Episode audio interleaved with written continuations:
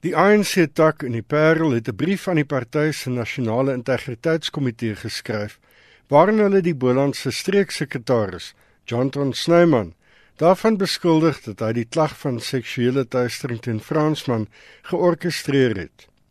Die takvoorsitter, Sandile Boysen, sê Snyman wou hê Fransman moet uit die ANC geskort word. According to Jonathan Snyman himself, Marius Fransman rejected him when he wanted to contest as the provincial chairperson of the ANC League. And that's one of the main reasons why he does not like the man. We decided to approach the higher structures of the ANC. We approached the legal representative of the ANC and then advised us to write to the disciplinary committee of the ANC and the integrity committee. Snyman het die bewering verwerp. Hy sê hy win regsadvies oor die saak in.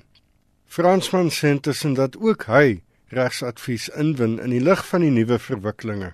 I will assess the situation, speak to my lawyers, and I now know one of the people that over the last five months tried to take me down completely is the regional secretary of the Boland, Jonathan Snyman, but we will deal with those issues. Die vrou wat die klag aanhanger gemaak het, sê sy is teleurgesteld met die polisie se besluit om die saak te laat vaar. My lewe was heeltemal omver gegooi. Dat dat daar is veel woorde wat kan beskryf hoe traumaties so iets is om weer te gaan nie. en, ek sal dit vir nie eers my grootste vyand te wens nie.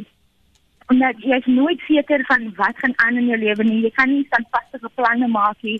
Ek is nie seker is van wat jou integriteit is teenoor 'n werk en miskien voort wil gaan aansoek doen na al die gebeur het. So dit is so belangrik vir my om net my naam skoon te kry dat ek kan aangaan met my lewe. Maar sy gaan dit nie so los nie. Sy beskuldig Fransman van seksuele teistering wat glo in Januarie tydens die ANC se 104de verjaarsdag in Rustenburg sou plaasgevind het.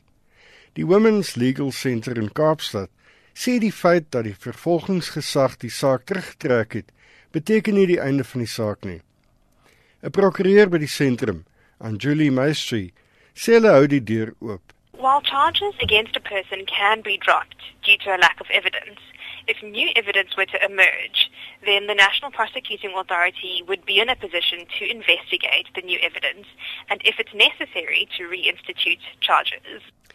Die ANC se nasionale woordvoerder, Zizi Kodwa, sê dit nog nie die verklaring van die Pareltak gekry nie.